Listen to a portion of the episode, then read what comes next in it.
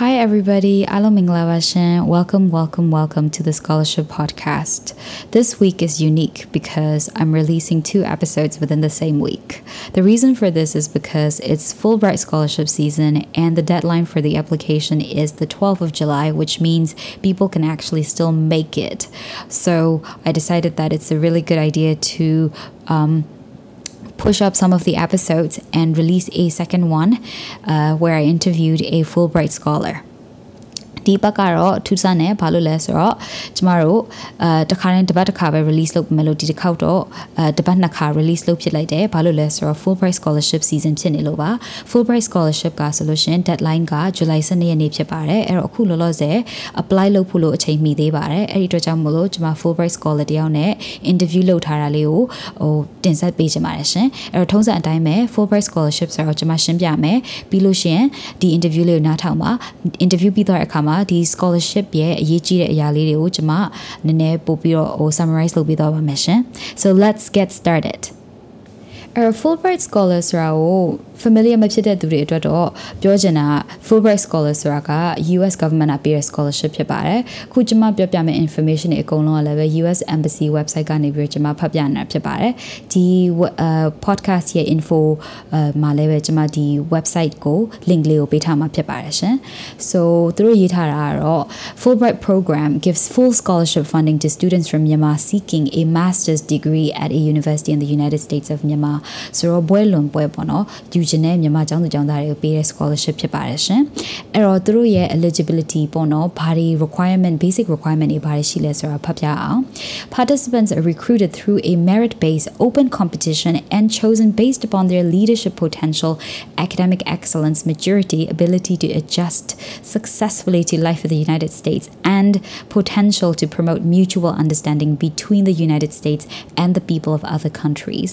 ဒီရွေးချယ်မဲ့လူတွေအားလုံးอ่ะဆိုလို့ရှင်ပေါ့နော်စာ လဲတော်ရမယ်နောက်ပြီးတော့အလုပ်ရဲ့ experience လည်းရှိရမယ်အရင့်ကျက်မှုရှိသေးတဲ့သူတွေဖြစ်တဲ့သူတွေကိုသူတို့ကနောက်ပြီးတော့ leadership potential ဆိုတော့ခေါင်းဆောင်နိုင်စွမ်းရှိမဲ့သူတွေကိုသူတို့ကဦးစားပေးပြီးတော့ပေးမဲ့ scholarship ဖြစ်ပါတယ်တဲ့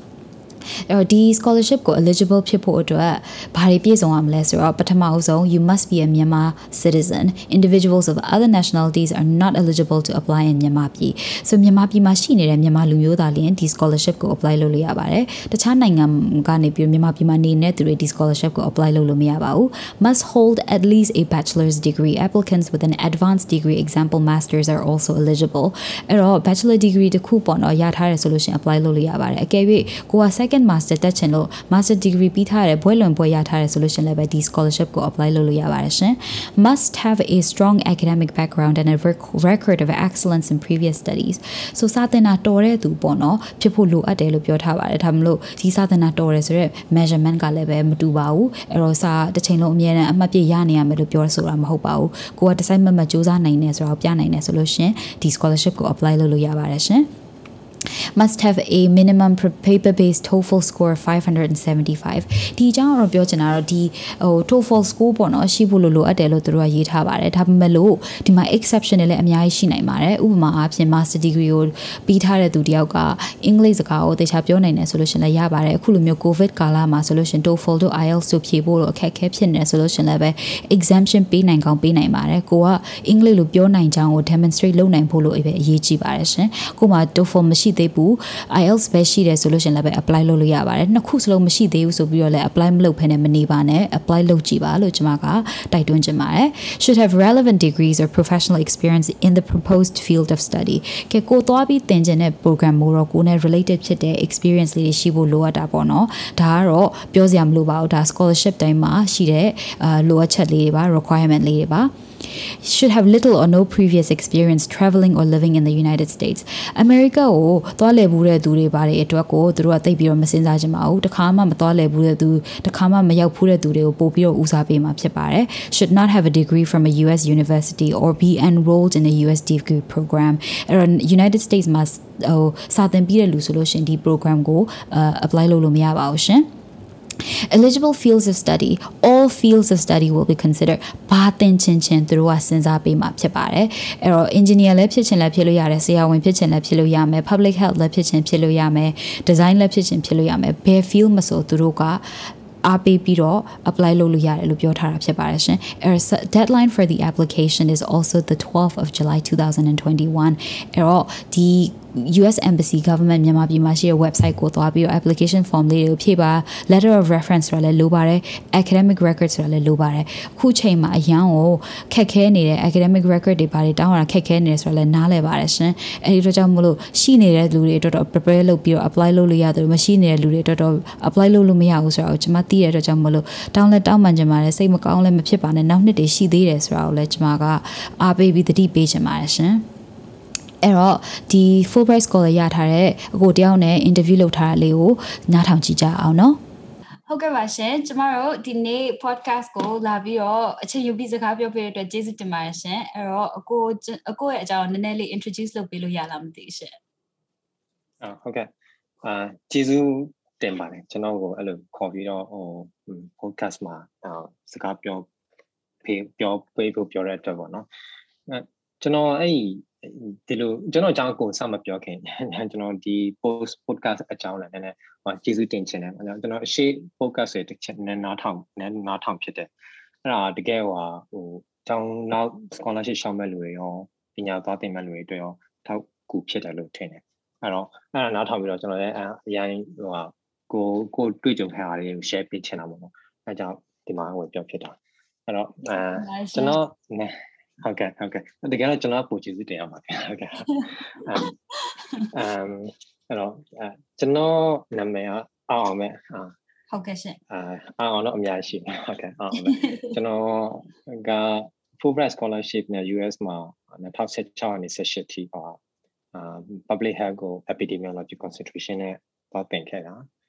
အမ်အဲ့မတိုင်ခင်ကတော့ဗမာပြည်မှာဆေးကြောင်းပြီးတော့ international NGO တခုနဲ့ ဆရာဝန်ရဆရာဝန်တို့ epidemiologist တို့ဟို medical coordination တို့ကိုဟောတော့ရှင်းနေတော့လုပ်ခဲ့တယ်။ um အဲ့ရှင်းနေပြီးတော့ full-time နဲ့ကျောင်းသားတက်တယ်။ကျောင်းသားတက်ပြီးတော့ပြန်လာတော့လောလောဆယ်အခုဟာ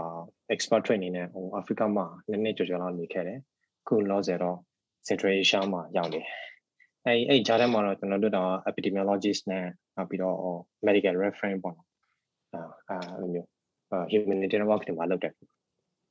ဟုတ် exciting ဖြစ်လိုက်တာနော်တခါမှမရောက်ဘူးပါဘူး Africa ကိုဆိုတော့ Africa အကြောင်းလည်းခဏနေလို့ရှင် scholarship တွေအကြောင်းပြီးတော့လို့ရှင်နည်းနည်းလေးမေ့မယ်နော်ဟုတ်ဟုတ်ကဲ့ရရအဓိကတော့ scholarship အကြောင်းပြောရင်းနဲ့နောက်လူတွေအကုန်လုံးဟော inspire ဖြစ်အောင်ပေါ့ဒီမှာခုနကပြောသလိုပဲဟုတ်ကဲ့ရှင်အဲ့လိုမျိုးဟုတ်ကဲ့ Okay အဲ့ဆိုလို့ရှင်အကိုရဲ့ Fulbright scholarship experience လေးအကြောင်းကိုပြောပြပေးပါ Fulbright scholarship ရဲ့ information ပေါ့နော်အာ basic information လေးကို share ပေး share ပေးပါရှင်အာ Fulbright yeah basic information အာ scholarship announcement ကတော့သူတို့ကျွန်တော်ထင်တာတော့အတော်များရပြီးသားဖြစ်မှာပါအာဒီကတော့အာကိုတင်ချင်တဲ့ study မှာ field study မှာအဲ့အဲ့ဘာလုပ်ချင်လဲပေါ့နော်ပြီးတော့အဲ့မှာအတွေ့အကြုံနည်းနည်းရှိရမယ်အဲ့အရာနဲ့ပတ်သက်တဲ့ဟိုဟာဘွဲတစ်ခုခုရှိထားမှာပေါ့နော် အဲ့လိုမျိုးဖြစ်စေအဲ့လိုမျိုးဖြစ်ရမယ်။ဘာနိုင်ငံသားတွေဘာညာတွေကတော့ဒါတော့ဒါတော့တည်ပြီးသားတွေပဲ။ဟုတ်ကဲ့ဟုတ်အခုလည်း Fulbright season လည်းဖြစ်နေတာပေါ့နော်ဟို expiry date လည်းနီးတော့နီးနေပြီဒါမလို့ apply လုပ်ဖို့အချိန်လည်းရှိနေသေးတယ်ဆိုတော့အခုလိုမျိုးလာပြီးတော့ podcast မှာပြောပြတဲ့အတွက်အရင်ကျေးဇူးတင်ပါတယ်ရှင်အဲ့တော့အဲကျွန်မမေးချင်တာက Fulbright scholarship ကို apply လုပ်တော့မယ်ပဲဖြစ်ဖြစ် best scholarship ပဲဖြစ်ဖြစ်ပေါ့နော်ကိုယ့်ရဲ့ experience မှာ apply လုပ်တော့မယ်ဆိုလို့ရှင် scholarship တစ်ခုကို apply လုပ်တော့မယ်ဆိုလို့ရှင် uh what are the three things အဲသုံးခုပေါ့နော်ဘာအရေးကြီးတာလုပ်နိုင်လုပ်ဖို့လို့ advice ပေးချင်လည်းမသိဘူးရှင် um အမှန်တော့ three things မှတာတခုပဲအဲတခုတော့ကိုကိုတကယ်လုပ်ချင်တဲ့လုပ်ချင်တဲ့အာ desire ပေါ့ဒီလုပ်ချင်တဲ့ဆန္ဒဆန္ဒရှိဖို့ပဲလိုတယ်ကျွန်တော်အဲ့လိုမျိုးပဲယူဆတယ်အဲဒါဆိုကိုကိုတိုင်တော့လည်းအဲ့လိုမျိုးဟိုပထမတော့လုပ်ချင်တယ်လုပ်ချင်တယ်လုပ်ချင်တယ်ဆိုတော့စိတ်ထဲထားပြီးတော့နောက်ပိုင်းဟိုအချိန်မယူဘဲနဲ့မလုပ်ဖြစ်တာပေါ့ဒါပေမဲ့အဲ့ဒီစိတ်ကရှိနေတဲ့အတွက်ကြောင့်တစ်ချိန်ကျတော့တကယ်လုပ်ဖြစ်သွားတာပေါ့နော်အဲ့တော့အဲ့အဲ့ willingness တခုထားဖို့လိုတယ် ဟာဆေးကြောင်းတော့လည်းဟိုတခုခုကို specialize လုပ်ချင်တယ်ပေါ့နော် general medicine နဲ့မပြီးချင်ဘူးဟို auto လုပ်မယ်တို့ဟိုမှာဟို tropical medicine လုပ်မယ်အဲ့လိုမျိုးစိတ်ထဲမှာရှိအဲ့အဲ့အဲ့တောင်းအားတခုကတော့အမြဲတမ်းကိုယ့်ကိုထည့်ထားဖို့လို့အဲ့အဲ့ဒါပဲယူဆတယ် scholarship ဆိုတာကတော့တကယ်တမ်းကိုလှုပ်ချင်တဲ့ဟာတစ်ခုကိုထောက်ပံ့ financially ဖြစ်ဖြစ်ဟိုထောက်ပံ့ပေးတဲ့ဟာတစ်ခုနေပဲယူဆတယ်အဲ့တော့ Fulbright ဖြစ်ဖြစ် Basketball ရှိဖြစ်ကိုလှုပ်ချင်တဲ့ဟိုကိုကို specialize လုပ်ချင်တဲ့ဟာတစ်ခုကိုစိတ်ထဲမှာရှိတဲ့ design တစ်ခုထားထားစေချင်တယ် အာအဲ့အဲ့နောက်ထပ်ပြောမယ်ဆိုသုံးခုပြအောင်တော့ပြောလိုက်မယ်အဲဒုတိယတစ်ခုကတော့အာကို feel study ကိုကိုလုံးမဲ့ဟိုကိုသင်မဲ့ဟာတစ်ခုမှာတွေ့ကြုံနေနေတော့ရှိချခြင်းတယ်အဲ့ခါကျတွေ့ကြုံမရှိဘဲနဲ့ဆိုရင်ကိုဘာလုပ်ခဲ့လဲမသိဘူးဖြစ်နေမှာပေါ့နော်အဲ့ခါကျကိုအဲ့အဲ့တွေ့ဟိုဟာနေရာတစ်ခုမှာအတွေ့အကြုံနေနေရှိတဲ့အခါကျရင်အဲ့ကြောင့်မှကိုကိုသိတယ်ကိုဘာလုပ်နိုင်လဲပြောဟိုကိုဘာတွေလိုအပ်နေတယ်လဲ အဲ့တော့အဲ့ဒါကိုမှဘယ်လိုမျိုး improve လုပ်ချင်လဲအဲ့တော့အဲ့အဲ့မှာလုပ်ခဲ့တဲ့အတွေ့အကြုံနဲ့အတွေ့အကြုံကအကုန်လုံးပြည့်သွားမှာမဟုတ်ဘူးလေအဲ့ကြောင့်မှကိုကိုကိုကိုပြန်ဆန်းစစ်လို့ရအောင်ဘာတွေလိုနေတယ်လဲအဲ့လိုတော့ကိုဖြည့်ဖို့အတွက်ဟိုစတင်ဟိုထပ်ပြီးတော့ further study တွားခြင်းမျိုးပေါ့နော်နောက်တစ်ခုကအဲ့လိုလိုရင်းနဲ့ပဲနောက်တစ်ခုကကိုယ့်ရဲ့ဟို objective တွေရှိလာတော့ပေါ့နော်ဟာငါတော့ဒါကိုလုပ်ချင်လို့ဒါကိုတင်တယ်ပေါ့အဲ့လိုမျိုးပေါ့ ဒီကတော့ကျွန်တော်အဲ့အဲ့လိုမျိုးတွေလို့ဟိုဟာဖြစ်တာလို့ယူဆတယ်ဟုတ်ကဲ့အခုတော့ရော Fulbright scholarship ကို apply လုပ်ဖို့အတွက်ဘယ်လောက်အကြာကြီး prepare လုပ်လိုက်ရလဲမသိဘူးအမ်အကြာချိန်နေနဲ့ကျတော့သိကြတော့မပြောကြတယ်ပဲစိတ်ထဲမှာတော့ Fulbright ကတော့ကြားဖူးတယ်အရင်အရင်ကတည်းကဟိုကိုယ့်ရဲ့ senior တွေတွားနေတာတို့အာအရင်အဲ့လိုမျိုးဟိုဟို ကိုယ့်ရဲ့တကယ်တကယ်တကယ်ဟာပေါ့ကိုလေးစားလူတွေတွားနေတာတွေ့ဖူးတဲ့အခါကျတော့ Fulbright ကတော့ရှောက်ရှောက်ဖြစ်မယ်ရှောက်မယ်လို့စဉ်းစားထားတော့ကြားတယ်အဲကျွန်တော်စလုပ်ဖြစ်တဲ့အချိန်မှာဆိုရင်အမ်လင်းကားလာတော့စိတ်ထဲကပြင်ပြင်ထားတယ်သူကဘာကြောင့်သူက announcement ထွက်လာတဲ့ချိန်နဲ့ဟိုပိတ်တဲ့ချိန်နဲ့ဆိုရင်တစ်လခွဲနှစ်လလောက်တော့ရမယ်ထင်တယ်အဲ့ကာလမှာကောင်းကောင်းလုပ်တာပေါ့နော်အဲ့တော့အဲ့နှစ်လတွင်းကိုဟိုတေချာအခြေယူပြီးတော့အဲ့လိုမျိုးဟိုဟာဟိုတေဟိုဟာပေါ့ဟို အာအသေးစိတ်လေးအချိန်ပေးပြီးတော့စဉ်းစားပြီးတော့ရေးနေနိုင်တော့ပိုကောင်းတယ်ကိုကျွန်တော်နောက်တစ်ခုစဉ်းစားမိတာတပါကျွန်တော်ဟုတ်အဲ့အာ program မလျှောက်ခင်ပါပဲမလျှောက်ခင်ဟို scholarship လျှောက်မယ်လို့စိတ်ကူးရတဲ့ခါကျရင်ကိုဘာလုပ်မယ်လို့စဉ်းစားတယ်အဲ့ခါကျရင်ကိုလှုပ်လှုပ်နေနေတဲ့တခုခုဂျားမှာတွေ့တဲ့အခါကျရင်အဲ့ဒါလေးကောက်ကောက်မှတ်ထားဟိုဖုန်းထဲမှာလည်း note မှာ note မှာကောက်ရေးထားအဲ့ဒါလေးကိုကျွန်တော်ပြန်သုံးပြီးတော့ application ထည့်ရတဲ့အချိန်မှာလုပ်ဖြစ်နေရှိတယ်အဲ့တော့အဲ့ဒါတွေက ဟိုအမရုပ်တရက်အကြောင်းအရာတစ်ခုရုံးမှာလှုပ်လှုပ်နေနေပေါ်လာတယ်အော်ဒါကတော့တူတက်ဖို့ဒါကတော့လှုပ်တင်တယ်ပေါ့အဲ့ခါကျရင်ငါဒါမျိုးသွားတင်တယ်ပေါ့အဲ့လေးကိုနှုတ်ထမှာကောက်ရေးထားလိုက်ကောက်ရေးရေးထားလိုက်တယ်ဖုန်းတွေကခုချိန်မှာအများကြီး accessible ဖြစ်နေရင်တော့လည်းဖြစ်ပါအဲ့ဒါတွေက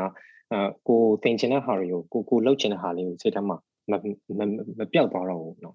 အဲ့ဒါလည်းအဲ့လိုမျိုးတော့ကျွန်တော်အရင်ကတည်းကလှုပ်လှုပ်ခဲ့တာရှိအာ preparation အဲ့ခါကျတော့အဲ့ဒါတစ်နှစ်နှစ်နှစ်တစ်လားနှစ်လားတော့ပြောလို့မဟုတ်ဘူးဒါပေမဲ့ အဲအဲ့လိုမျိုးထားလျှောက်လေးရှိနေခဲ့တာပေါ့ဟုတ်ဒါဟိုကိုယ့်ရဲ့ research proposal ကိုရေးရတဲ့အခါမှာအသုံးဝင်တာပေါ့နော်အများကြီးအများကြီးသုံးဝင်တယ်ဟုတ်တယ်အဲကဲလို့ preparation ကျွန်တော်နည်းနည်းဟို basic လေးပြန်ပြောပြလိုက်မယ်နော်အဲ့ခါကျတော့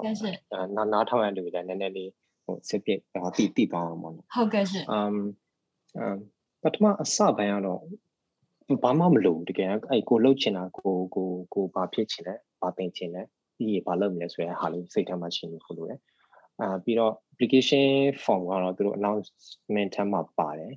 အာကိုယ့်ရဲ့ပထမပိုင်းကတော့ကိုယ့်ရဲ့အကြောင်းအရာတွေဒုတိယပိုင်းနဲ့တတိယပိုင်းမှာအဲ့အဲ့ personal statement နဲ့ study research objective ဆိုတာရှိတယ်အဲ့နှစ်ခုအဲ့အဲ့နှစ်ခုကိုဒီကတေချာလေးစဉ်းစားဖို့လိုတယ် personal statement ဆိုကိုကိုပါရလောက်ခဲ့တယ်ကိုအတွေ့အကြုံပါရှိတယ်အာအာပြီးတော့မှကို ကိုဘာတွေသင်ခဲ့လဲဘာလုပ်ခဲ့လဲအဲ့နဲ့ပတ်သက်ပြီးကိုဘာလုပ်လဲအဲ့လိုမျိုးတွေပေါ့နော်ပြီးမှအဲ့ research uh objectives ကို study objectives ကိုတေချာရေးဖို့လိုတယ်အဲ့ခါအာရေးတဲ့ခါကျရင်လည်းကိုယ့်ရဲ့အသေးစိတ်အသေးစိတ်လေးဖြစ်နေလေပိုပိုကောင်းလေးပဲဟိုကိုကဟိုဟို public health တင်ချင်တယ်လို့ပြောဟာနဲ့တခုတည်းနဲ့မပြီးတော့ public health မှာဆိုရင်အဲအစုံအများကြီးရှိရတယ်မှာအာဘယ်လိုပြောမလဲဟို reproductive health လား epidemiology လား high finance လားအမျိုးမျိုးအဲ့အမျိုးရှိအဲ့ခါကျကိုအသေးစိတ်လေး detail သွားနိုင်ရင်တော့ပိုကောင်းတယ်အာပိုကောင်းတယ်ဆိုတော့အများကြီးကောင်းတယ်လို့ပြောလို့ရတယ်ဟုတ်ကဲ့ prime မှာအာအရင်အရှိမ English တွေပါညာ preparation လုပ်ထားစရာ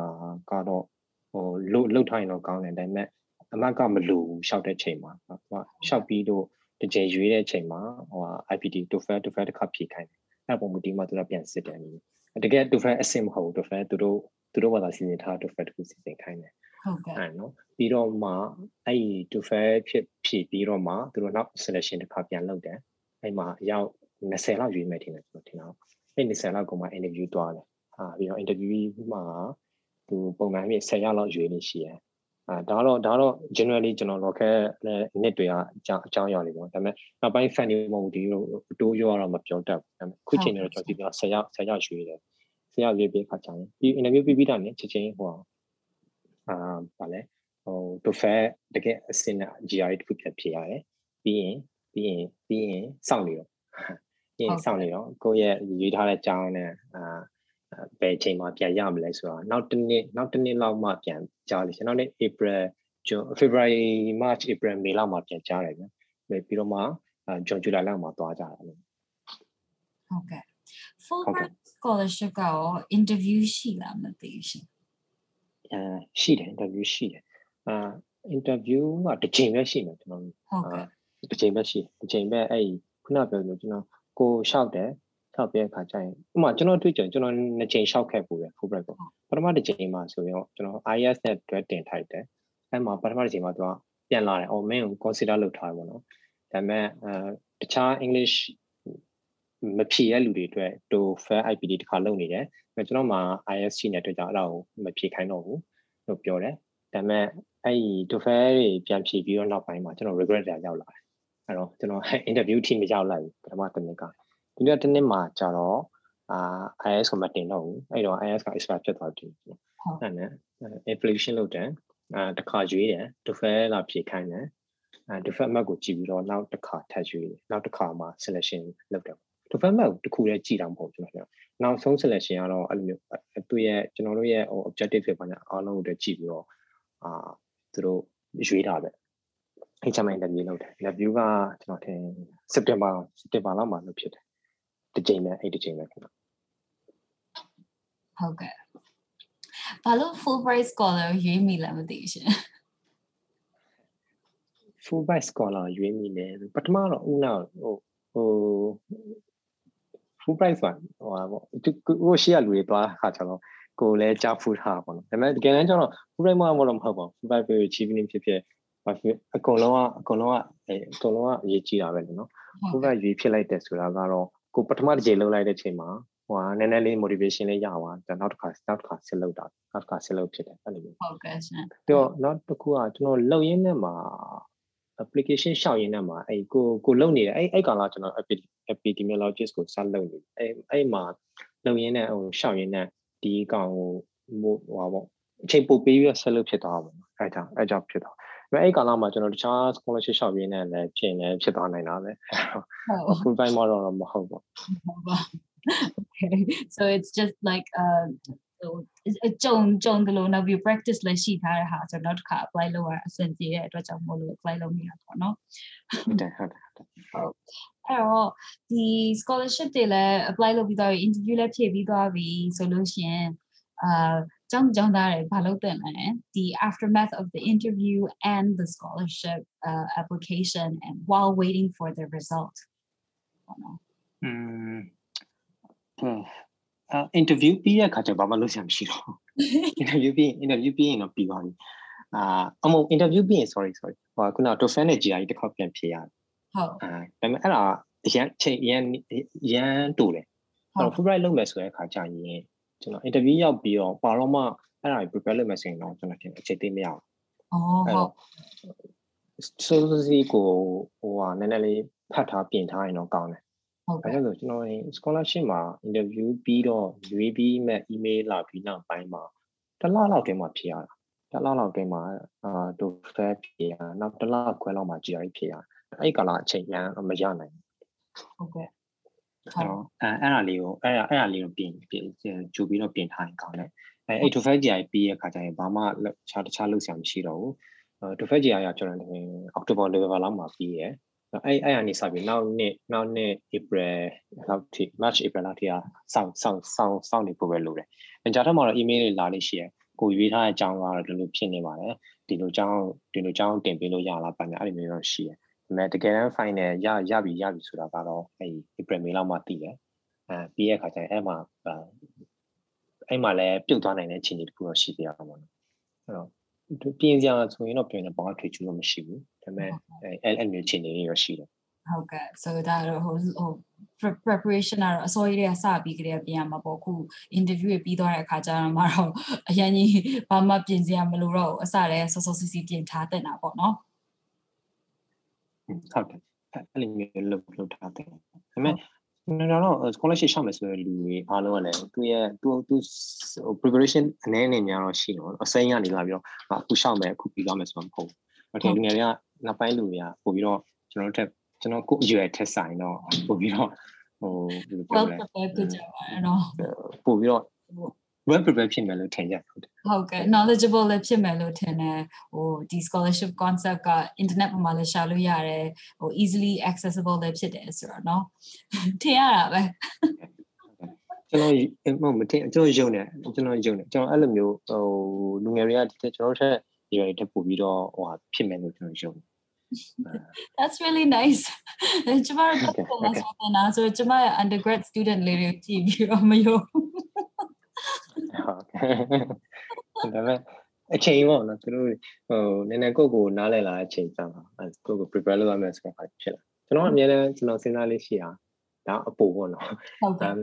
ကျွန်တော်ကျွန်တော်အောက်9နှစ်လောက်နေတဲ့လူတွေနဲ့ကျွန်တော်တပြေးတဲ့ထားတယ်ကျွန်တော်ကျွန်တော်လောကတဲ့9နှစ်ကဆိုရင်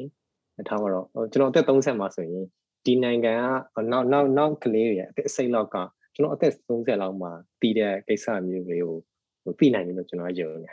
ဟုတ်ကဲ့မြန်မာပြည်မှာမြန်မာပြည်လူငယ်တွေတော့ပို့ပြီးတော့ mature ဖြစ်မယ်လို့ထင်တယ်ဟိုကျမစတဲ့နိုင်ငံမှာတော့အဲများသောအားဖြင့်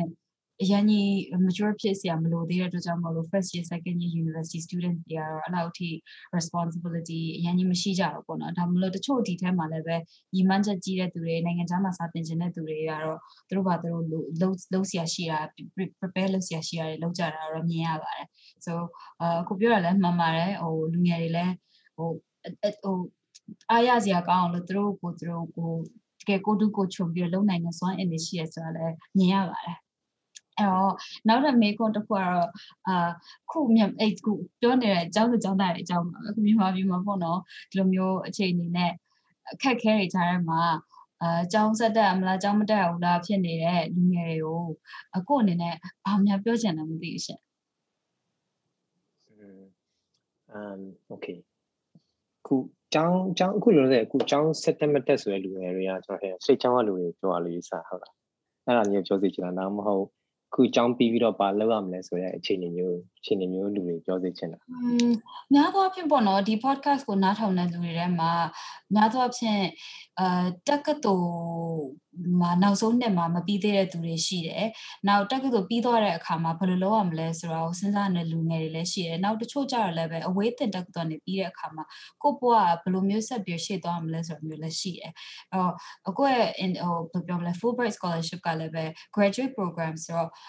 ဟို undergrad ကနေပြီးသွားပြီး graduate ဖြစ်တော့မယ် graduate ဖြစ်သွားပြီးတဲ့အခါမှာနောက်ဘာလုပ်ရမလဲလို့စဉ်းစားနေတဲ့လူတွေကို focus လုပ်ပြီးတော့ဖြည့်ပေးရင်ကောင်းမယ်လို့ထင်နေရှင်။ Okay ဟုတ်ပြီ။အဲကျွန်တော်အဲ့ master တက်ပြီးနောက်ပိုင်းမှာအဲကျွန်တော်စိတ်ထဲမှာခံခံယူတဲ့အပိုင်းတစ်ခုကတော့ဟိုအကြောင်း education ဆိုတာကျွန်တော် university တခုတည်းအကြောင်းတက်တူမှာသွားတက်ပြီးတော့မှရဟာတခုလုံးပြီးယူဆောက်ရ။အဲဆိုဟိုကိုလုံနေတဲ့နေရာမှာကိုအတွေ့အကြုံကလည်းကိုရဲ့ education တခုပဲကိုကောင်းကောင်းယူနိုင်တယ်ဆိုရင်ပေါ့နော်။နောက်ပြီးတစ်ချက်ကဟိုပါပေါ့ resource တွေလည်းအများကြီးရှိတယ်လို့ယူဆတယ်။အအများကြီးရှိတယ်ဗျတကယ်လို့ဆိုရင်ဟို live အရင်တော့ဆိုကျွန်တော်တို့ library သွားရတယ်ဗျ။အခုကျမှ library မသွားဘဲနဲ့လည်း online နေဟိုရှာပြီးတော့ဟိုယူလို့ရနေပြီပေါ့နော်။ဟုတ်ကဲ့။အဲ့တော့အဲ့အဲ့အဲ့လိုမျိုးအဲ့ကိုကို keep planning လုပ်နေဖို့ပဲလို့ဟို study လေးပေါ့နော်တကယ်တမ်းတပြေးတဲ့အချိန်တိုင်းအများအားဟို keep learning လုပ်နေဖို့ပဲလိုတယ်ဟိုကျောင်းတက်တာဖြစ်ဖြစ်မတက်တာဖြစ်အဲနောက်တစ်ခုကအဲဟိုမလိုဘူးအာ ကိုယ်က improve လုပ်နေတော့အများကြီးရနိုင်တယ်နော်နောက်တစ်ချက်ကအခုလုံးလုံးစဲမှာဖြစ်နေတဲ့အခြေအနေမျိုးခက်ခဲတဲ့အချိန်မှာဆိုလူတွေကပို့ပြီးတော့ဟိုလုပ်လေပို့ပြီးတော့ဗာလဲရုံရုံကြွားလေးရှိရမှာအဲ့တော့ရုံကန်တဲ့ဟာကလည်းကောင်းတယ်နော်ခက်ခဲတဲ့အချိန်မှာဟိုတချို့လိုအပ်တဲ့နေရာတွေများတယ်ဗျာအဲ့ညတွေမှာဝိုင်းလို့မယ်ကုလို့မယ်ခါကြရင်လည်းတွေ့ကြုံရနိုင်တယ်တွေ့ကြုံရနိုင်တဲ့ခါကျမှကိုဘယ်နေရာတွေမှာ ဖိန်လို့ရမလဲကိုဘာနေရာ improve ဖြစ်စေချင်လဲဆိုတဲ့အဲ sense တွေလည်းပိုရလာနိုင်တယ်လို့ယူဆတယ်အဲ့ခါကျတော့ဟဟိုဟာပေါ့ကျောင်းတက်တာမတက်တာဆိုတာတဲ့ကိုဟိုဟာပေါ့ဟိုတခြား resource တွေကနေလာလုပ်လို့ရတယ်နောက်ပြီးအခါကျရင်ခက်တဲ့အချိန်မှာအာဟိုဟာပေါ့လိုအပ်တဲ့နေရာတွေမှာဝင်လို့ဝင်ကူချင်းဥကလည်းပဲကိုယ့်အတွက်နောက်မှာ future မှာဘာလုပ်မလဲဆိုတော့အကြံတွေ sense တွေရလာမလို့ယူဆတယ် ဟုတ်ကဲ့ရှင်ဟုတ်အာနောက်ဆုံးမေးခွန်းကတော့အာ related to all the exciting things that are happening in your life ပေါ့နော်ခု scholarship ရောက်ပြီးတော့ရပြီးတော့ပြီးတော့အခါပညာရေးဆက်ပြီးတော့သင်ပြီးတော့အခါမှာကိုယ့်ရဲ့ life ဘယ်လိုမျိုး change ဖြစ်သွားလဲဆိုတာလေးကိုနည်းနည်းလေးပြောပြပေးပါဟိုဒီမေခွန်းလေးကိုဖြေတဲ့အခါကျတော့နားထောင်တဲ့အခါကျတော့လူငယ်တွေလည်းအားတက်သွားပြီးသူတို့ရဲ့ life ပေါ့နော် experience လေးဘယ်လိုမျိုး future လေးရှိနိုင်လဲဆိုတော့မြင်စေချင်လို့ပါရှင်။ um ကျွန်တော်တို့ကိုယ့်ကိုအများကြီးဟောဖွင့်လင်းအများကြီးအများကြီးတွေးလိုက်ရတာလို့မြင်တယ်အရင်တော့ဗမာပြည်ထမ်းမှနေတယ်အာအဲ့ဒီခါကျတော့နောက် scholarship ရဲ့သွားတဲ့ခါကျ scholarship သွားပြီးတော့သွားတာကောင်းတာတခုပါပဲတခြားနိုင်ငံတွေမှာရတယ်ကိုယ့်အကိုရုံးကန်ရတယ်အဲ့ခါကျရင်အဲ့ scholarship group ထမ်းမှာရှိတဲ့ဟို platform တစ်ခုချင်းတူတဲ့လူတွေကြားထမ်းမှာပို့ပြီးတော့ဟိုတငယ်ချင်းတွေရလာတယ် friendship network တွေကျယ်လာတယ်ကျွန်တော်အဲ့အဲ့အပိုင်းတော့ ဟိုပို့ပြီးတော့ scholarship နဲ့သွားလို့ကောင်းတဲ့ချစ်လို့ကိုယ့်အကိုသွားတဲ့အခါကျရင်ကိုကတာမန်ကျောင်းသားတယောက်အနေနဲ့ပဲဖြစ်မှာပေါ့နော်ဟုတ်ကဲ့အာဒါပေမဲ့ scholarship platform နဲ့သွားတဲ့အခါကျရင်တော့ shipping ဆိုရင် shipping progress ဆိုရင် fulbright ဟိုတခြား scholarship တွေအများကြီးရှိတယ်ဒီအဲ့ platform မှာတူတူရောက်လာတဲ့လူတွေကအဲ့မှာ bond တစ်ခုဖြစ်သွားတာပေါ့နော်အဲ့အဲ့ network ကြီးကအများကြီးကျယ်သွားတယ်ဗျာအာနောက်ပြီးတော့ fulbright ကို specifically ပြောမယ်ဆိုရင် तू က fulbright ကတကယ်တမ်း exchange program ကတည်းက scholarship တစ်ခုတည်းနေမဟုတ်ဒီလူတွေကိုအကုန်လုံးဟို cultural exchange ရအောင်လုပ်ပေးမှာလို့ပြီးတဲ့အခါကျတော့ Fulbright enrichment seminar တွေရှိတယ်အဲ့မှာဆိုရင်နိုင်ငံ50 60လောက်ကကျောင်းသားတွေရောက်100 120လောက်ကတနေရာထဲမှာ3 4ရက်သူနေပြီးတော့တွေ့တဲ့အခါကျရင်အဲ့ဒါကျွန်တော်နောက်ဘယ်တော့မှကိုယ့်ရဲ့ life မှာရနိုင်အခြေအနေမျိုးတွေမဟုတ်ဘူးနော်လောက်ခွင်ထဲမှာဆိုလည်းအမည50လောက်ကတူနေဟိုကျောင်းသား status တခုတည်းနဲ့ပေါ့နော် လာပြီးတော့ seminar တစ်ခုမှလာတွေ့ပေါ်ဘယ်လိုမှရနိုင်တဲ့အခြေအနေမဟုတ်ဘူး။ conference တော့တက်တော့မှ level ကအများကြီးရှိရတယ်မှာတကယ် conference speaker တွေရှိမှလာတက်လို့ရှိမှသူတို့ရဲ့ဟို interest ကတခုတည်းမဟုတ်ဘူး။ဒါပေမဲ့အဲ့လိုမျိုးအဲ့လိုမျိုး scholarship နဲ့သွားတဲ့ခါကျရင် interest တခုတည်းက platform တခုတည်းကနိုင်ငံများရလူတွေကလာကြုံပြီးတော့ဟိုလာတွေ့ဆိုတော့တကယ်အဲ့ network ကတော့အများကြီးကောင်းတယ်။ဟုတ်။အဲ့ခါကျတော့လည်းနောက်တစ်ခါကျတော့ အဲ့ရကျွန်တော် scholarship ပြီးတော့ကျွန်တော်ဆောက်တော့ point ပြီးပြန်ပြလို့တယ်ဒါပေမဲ့ရဖြစ်ပဲနဲ့အာဖရိကရောက်သွားတော့ပေါ့နော်အဲ့လိုမျိုးကိုယ်ကနောက်ထပ် explore လုပ်လာစေချင်တဲ့ဟိုစိတ်စိတ်တွေအများကြီးရလာတယ်ဗျာမကြောက်တော့ဘူးလို့ပေါ့ဟုတ်နိုင်ငံတနိုင်ငံမှာသွားပြီးအခြေချလုပ်ဖို့ဟိုဟိုကြောက်တယ်ကို barrier တွေမရှိတော့ဘူးเนาะအဲ့လိုမျိုးအာအဲ့လိုမျိုးဟိုပွင့်အကုန်လုံးပွင့်သွားလို့ယူဆတယ်ဟုတ် I'm just here to point out. okay. လည်းရပါတယ်။อืมအအခုရောက်ဖူးတဲ့နိုင်ငံတွေထဲမှာဘယ်နိုင်ငံဟို experience ကိုအကျဉ်းဆုံးလဲမသိဘူးရှင်။ Is that is that a good question to ask you? um that's okay. That's okay to ask. Um mm, ကျွန်တော်တို့အဲ့ ဘယ်နိုင်ငံအကြိုက်ဆုံးလဲဆိုတာဆက်ပြီးပြောချင်နေရောက်တဲ့နိုင်ငံတိုင်းမှာဟိုစင်ပြေလို့နေနေလိုက်တာအဲ့ဒါပိုရေးကြည့်ရထင်တယ်ဟုတ်ကဲ့ဟိုနိုင်ငံကျလို့ဟိုနိုင်ငံအတွက်ကမှဒီနိုင်ငံတက်တယ်လေထားပါတော့ US America ဆိုရင်လည်းသူရဲ့ develop ဖြစ်တဲ့အခြေအနေမှာဆိုရင်အများကြီးကောင်းတာပေါ့ဒါပေမဲ့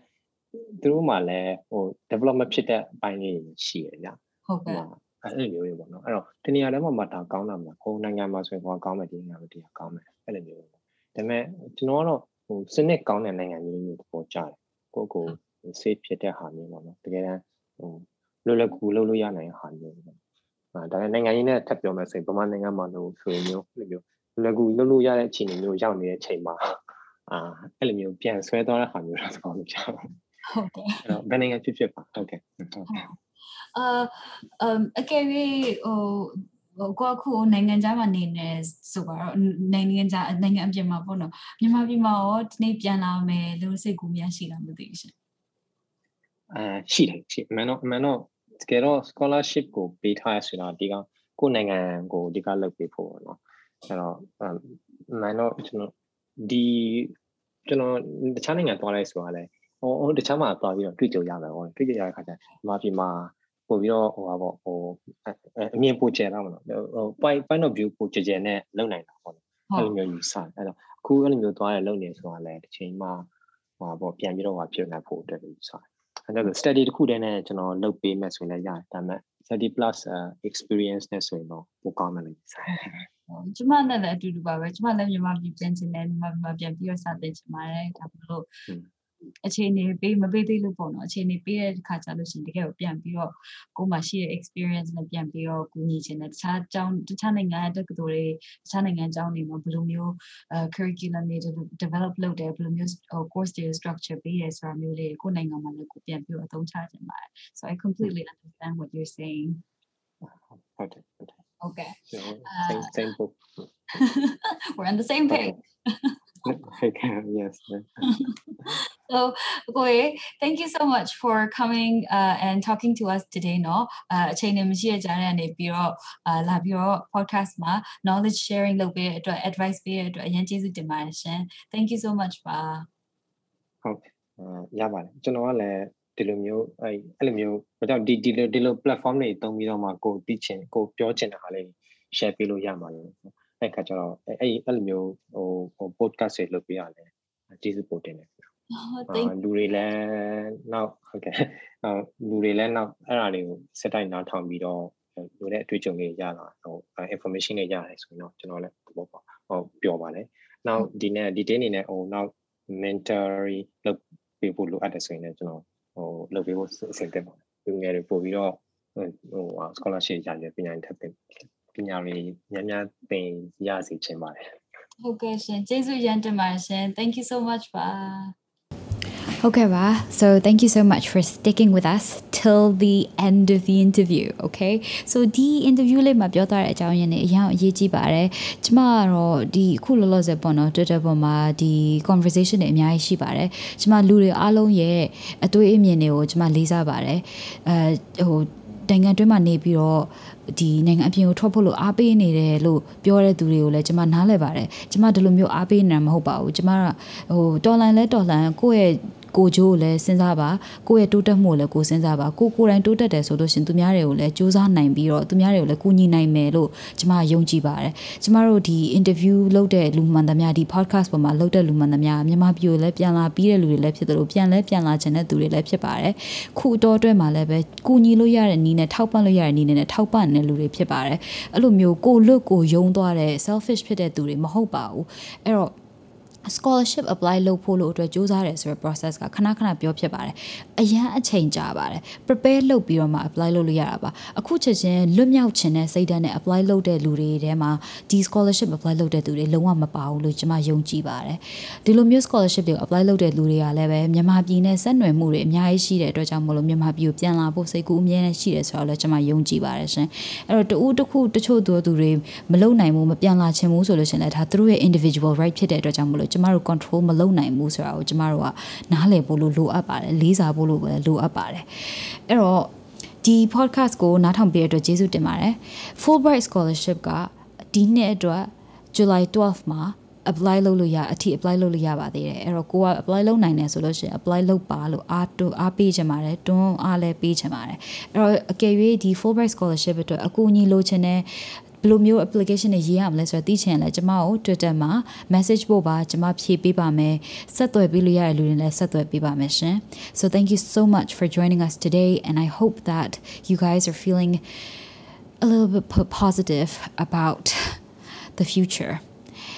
အာနောက်ပတ်တွေ့ကြပါမယ်ရှင် thank you so much ပါကျေးဇူးတင်ပါတယ်ရှင်